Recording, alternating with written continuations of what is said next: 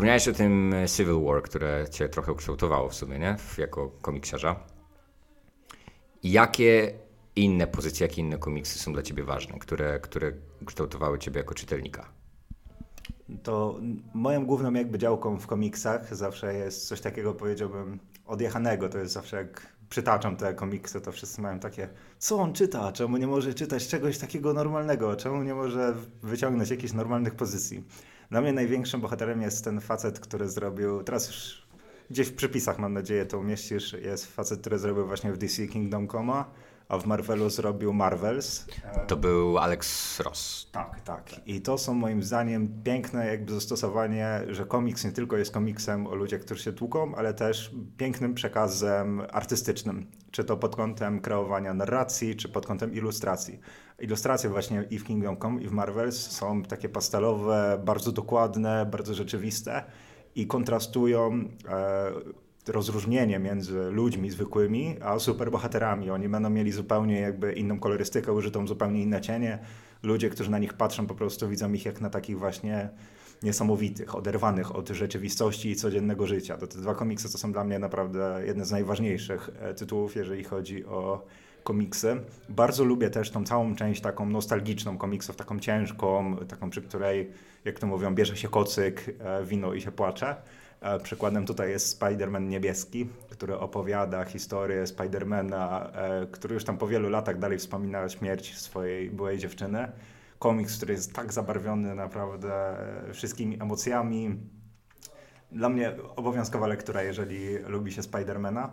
E, poza tym z takich właśnie jeszcze komiksowych rzeczy nie sposób jest tutaj przytoczyć w ogóle same, to co właśnie wydaje mi się w Marvelu jest dobre, jakby jeżeli chce się zacząć, czytamy sobie jeden z takich większych wydarzeń komiksowych, czytamy sobie te 8 czy 10 rozdziałów i potem od tego momentu możemy stwierdzić, o ta postać mi się podoba, powiedzmy tam Agent Venom, Mr. Fantastic albo ktoś tam, w jakich komiksach wychodzi, występuje po tym evencie albo w trakcie tego eventu i możemy sobie zacząć, o ok, już w miarę wiem co się z nim teraz dzieje na podstawie innych bohaterów, i możemy sobie czytać dalej. Tutaj właśnie pod tym kątem bardzo polecam wcześniej wspomniane Avengers vs. X-Men. To był taki piękny klimaks, w którym mieliśmy dużo bardzo ciekawych, naporządkowych momentów, ale też mieliśmy jakby cały storyline, który miał bardzo dużo sensu. Także też mogą te komiksy fajnie mieszać ze sobą e, różne, różne płaszczyzny. I też bardzo lubię te wszystkie dziwne, przełomowe komiksy Marvela, które były właśnie o takiej bardzo trudnej tematyce. Tak jak właśnie było ostatnio Łowy Cravena, E, demon w butelce, który przedstawia Ironmana już nie z takiej kinowej, fajnej strony, tylko ze strony pana z problemami, który nie potrafi opanować swoich problemów alkoholowych i prawie tam zabija prezydenta w komiksie. Także to są, dużo potrafią nieść media, e, komiksy jako media. E, wspomniałeś Demona w butelce, bo w drugiej części Ironmana w filmie to zostało e, rozwinięte, ale jakby najpoważniejszą rzeczą, którą Tony Stark odwalił po alkoholu, to było walka ze swoim przyjacielem w czasie imprezy, nie? A, a, nie, a nie faktycznie pra, prawem morderstwo prezydenta.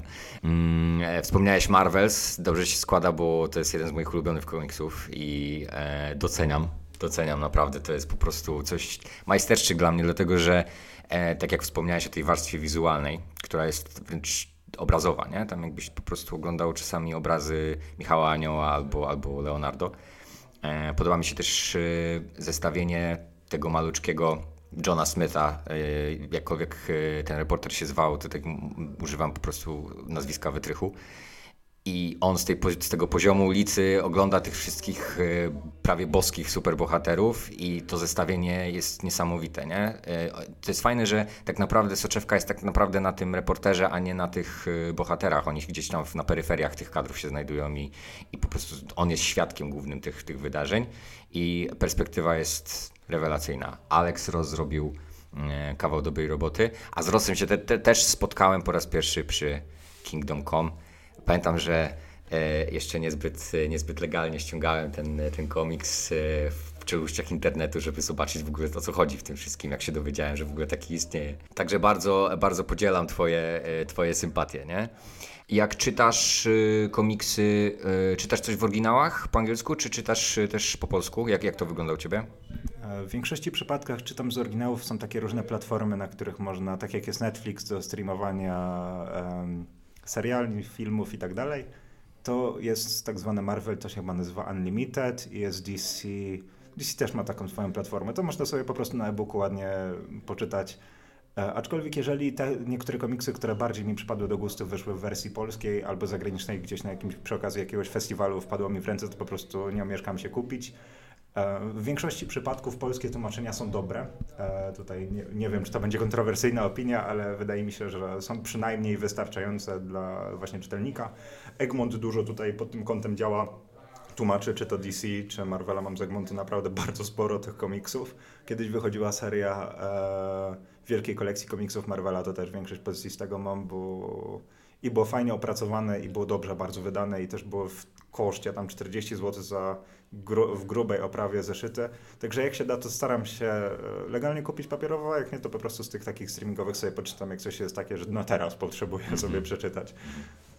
E, tak, faktycznie Hachette dobrą robotę zrobiło. Przy, to była niespodzianka też dla mnie, ponieważ wydawało mi się, że e, przy tych ilościach może w pewnym momencie pójść jakoś nie? E, w dół. Natomiast oni faktycznie byli bardzo konsekwentni w tym, no i, i faktycznie ta cena była mm, e, bardzo przystępna, no bo 40 zł za rewelacyjny komiks e, i ten ten przekrój tych, tych tytułów był bardzo duży też, nie? Też trzeba się mówić, że mm, e, niektóre gorsze lub lepsze, też trzeba przyznać, ale e, dużo ciekawych rzeczy. Ja też kiedyś miałem ich pełno, natomiast musiałem je po, powyprzedawać e, i zostawiłem sobie tylko takie perły, które uważam za, e, za warte trzymania. Nie?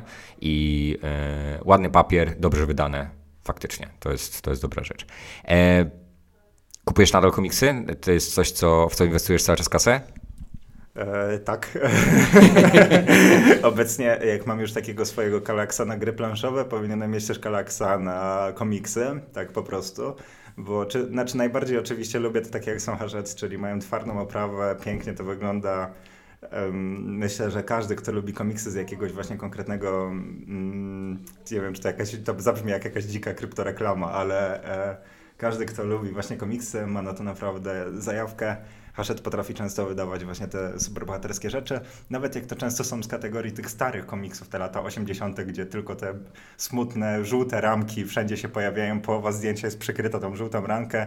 Na, nadal można to fajnie sobie poczytać, nawet obecnie Hachette kolejne wydaje właśnie genezy bardziej superbohaterów, teraz wydają od Marvela. W DC jakiś czas temu też New 52 czy Rebirfa, Rebirfa wydawali jeszcze niedawno temu.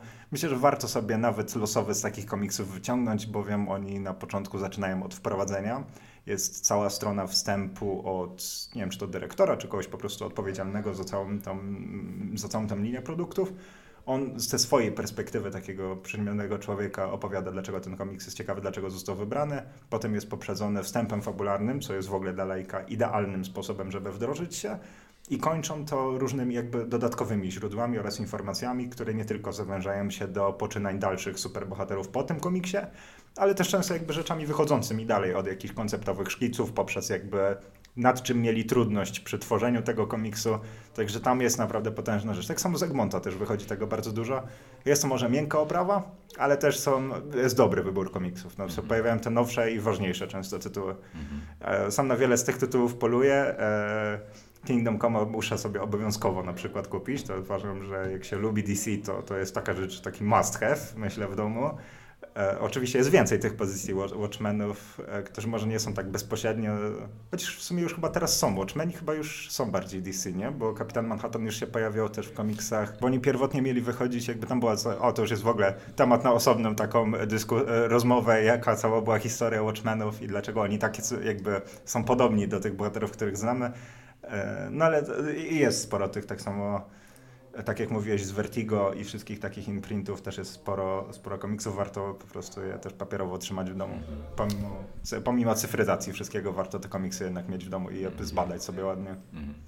Mam też wrażenie, że my w Polsce jakby model biznesowy wydawania komiksów jest o, o tyle inny od tego amerykańskiego, w którym jednak jest ta sprzedaż e, zeszytu, zeszytowa, nie? że tam można kupić sobie za, e, za dużo mniejsze pieniądze jakiś zeszyt, a nas zazwyczaj są to wydania już dużo już zbiorcze, nie? czyli kupujemy tak naprawdę powieść graficzną, a nie, a nie jakąś tam część. I to jednak wy, wymaga od nas troszkę głębszego sięgnięcia po, do portfela, nie? To jest właśnie generalnie prawda. U nich jest, jest troszkę bardziej to w takiej doktrynie popkulturowe, już takie społeczne, że co tydzień wychodzi sobie ten chapterek, jeden pojedynczy tam Spidermana czy kogoś tam, te komiksy ze sobą się bardzo przeplatają, także jak czyta się i śledzi się, to praktycznie codziennie możemy kolejny taki zeszycik tu kupić. One najczęściej potrafią kosztować jednego dolara, czyli to jest jakieś nasze solidne 4 złote.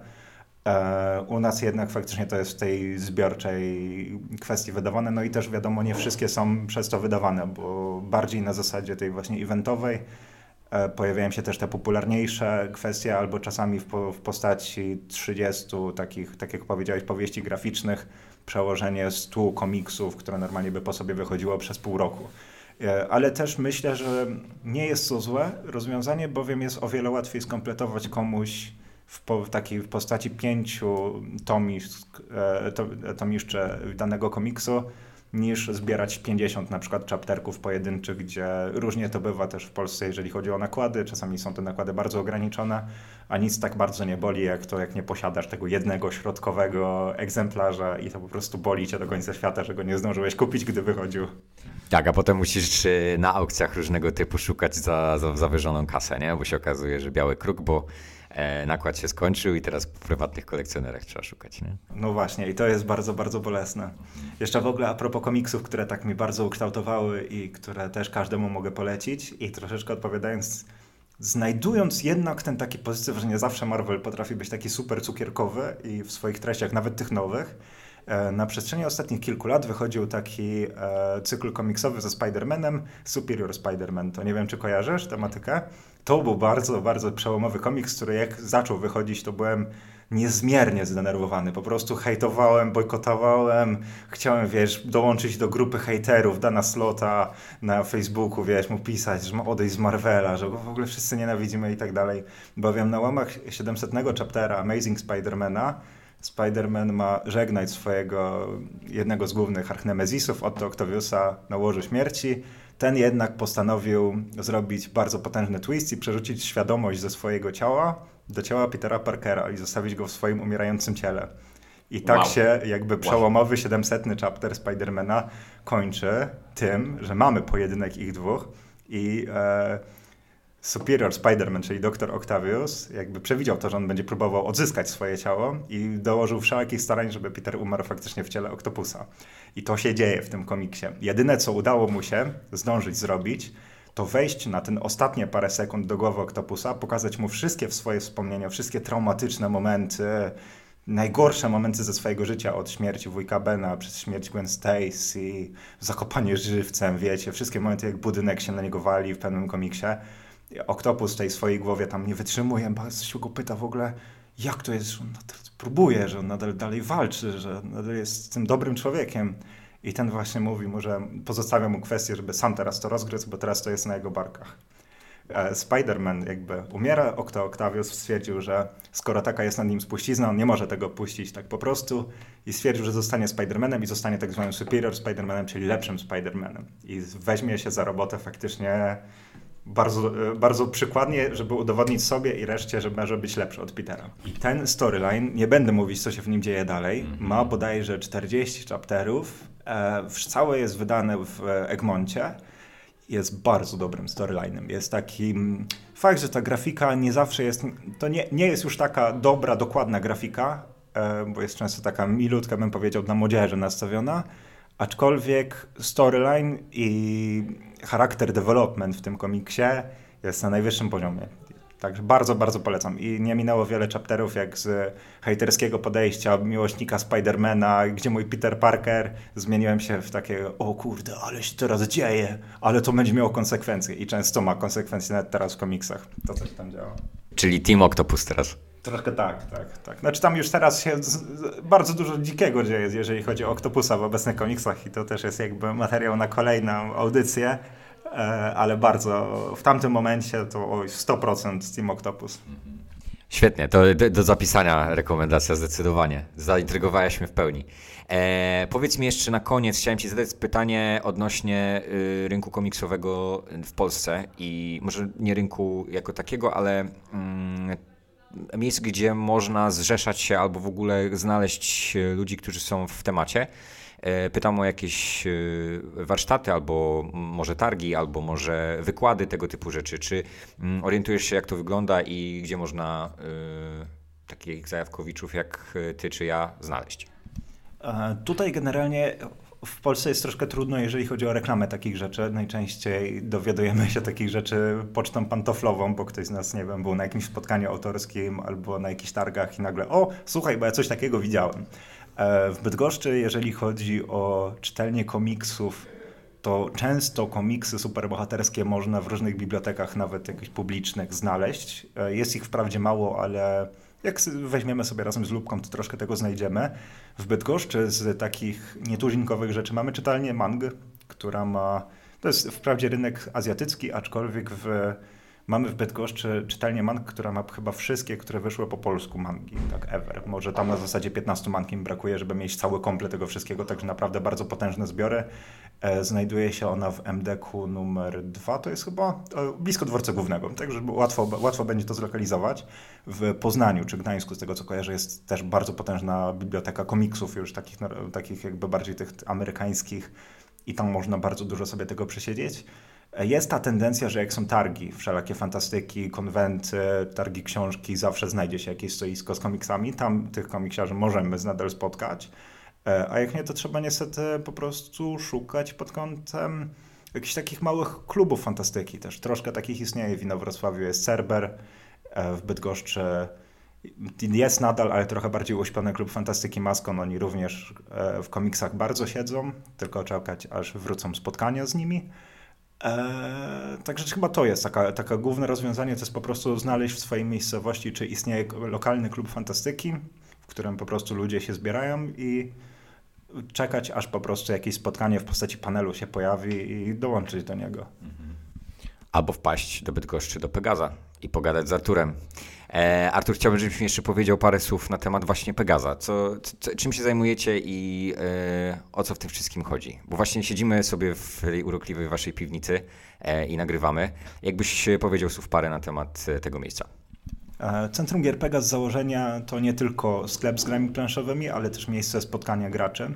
E, mam piwnicę, tak jak tutaj określiłeś, e, nie tylko taką, że siedzimy tutaj smutno w piwnicy, gramy w niej, mamy tutaj przestrzeń na około 30 graczy pod kątem grania turniejowego, gry karciane, Magic the Gathering, Pokémony, Flash and Blood, ale też gry bitewne jak Warhammer czy Star Wars Legion. Jest to miejsce, w którym można przysiąść sobie przy kawie, wypożyczyć grę dowolną planszową z naszego zbioru 300 gierek z wypożyczalni, posiedzieć przy niej. Jest to też miejsce, w którym jeżeli szukasz prezentu dla kogoś albo dla siebie, e, na pewno doradzimy, jaka gra planszowa będzie dla konkretnej osoby pasować. E, wszyscy pracownicy Pegaza znają się na tych tytułach, grają, listy Board Game Geeka mamy po prostu tak obcykane często w głowie, że o czwartej w nocy powiemy, co jest teraz pierwsze, co jest piąte e, i albo co dostałeś zaraz w 2014, a co w 2015. Tak zwany dziwny flex, ale okej. Okay. No, także e, siedzimy w tym temacie po uszy, bardzo lubimy gry planszowe nadal, pomimo tego, że sklep istnieje 13 lat, to nadal tak samo kochamy cały ten temat i śledzimy nowości wydawnicze, jaramy się tym, jak ktoś połączy jakieś mechaniki ze sobą w jedno albo wymyśli coś takiego, wiecie, nowego, co e, wszystkich z planszy zrzuci. Także Pegas jest jeden, że miejscem, w którym można kupować, ale też można poznawać ludzi i grać z nimi w różne planszówki albo uczestniczyć w różnych wydarzeniach, bowiem też różne wydarzenia organizujemy, czy to w targach bydgoskich obok Myślęcinka, czy w Muzeum Wodociągów, czy często w galeriach handlowych. Zawsze gdzieś tam da się zobaczyć naszego konika i, nasze gry planszowe. Super. E, dla ludzi z Bydgoszczy wpadajcie koniecznie, a dla ludzi spoza Bydgoszczy znajdźcie czas, żeby wpaść do Bydgoszczy i do Pegaza. Artur, bardzo serdecznie Ci dziękuję i mam nadzieję do usłyszenia ponownie. Ja również bardzo dziękuję i do usłyszenia ponownie.